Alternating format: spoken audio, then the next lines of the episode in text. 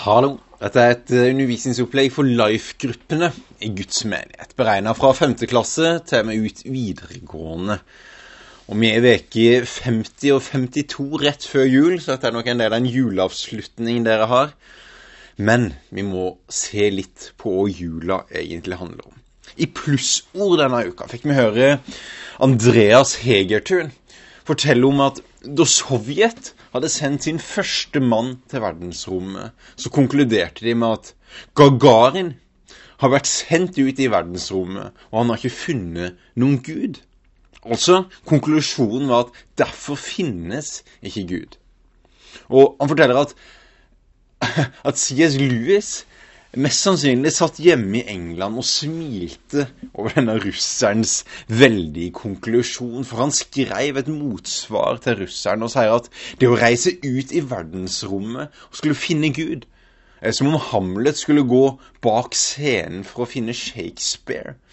Altså at han det var skrevet om, skulle greie å finne han som har skrevet stykket. Nei, nei. Det kan bare skje om Shakespeare åpenbarer eller putter inn litt informasjon om seg sjøl i stykket. Akkurat det var det som skjedde da Gud ble menneske. Akkurat som Gagarin ikke kunne reise ut i verdensrommet og finne Gud. Akkurat som at du ikke kunne reise ut og finne Gud på din egen hånd. Så blei Gud et menneske. Og så ga han informasjon om seg sjøl, om hvem han egentlig var i mennesket Jesus. Så når vi ser Jesus og lærer om det livet han levde, så lærer vi om Gud. At Jesus blei menneske og gikk blant oss. At han blei den frelseren som kunne redde oss fra vår synd og gi oss evig liv. Og, og, ikke nok med det. Dette var ikke bare en fantastisk begivenhet for menneskeheten, men det var nøye planlagt fra Guds side. For over 300 profetier ble skrevet om han. Og alt det her var ferdig samla og skrevet i en bok. Den siste tingen ble skrevet 400 år før Jesus kom. Og vi har nøyaktige kilder på at det her ikke ble rørt med 300 år før Jesus kom. Og kildene er så detaljerte at det kunne ikke vært noen annen person. Og det her er et av de beste argumentene for å tro på at det som skjedde i jula, er det viktigste som har skjedd i vår historie, og det viktigste som kan skje i ditt liv. Så viktig at vi begynte å telle dager fra år null. Og det her kunne ikke vært en tilfeldighet. For Jesaja, altså det ble skrevet 500 år før Jesus, forteller at han skulle være født av en jomfru. Og i Matteus 1,18 leser vi at det var han.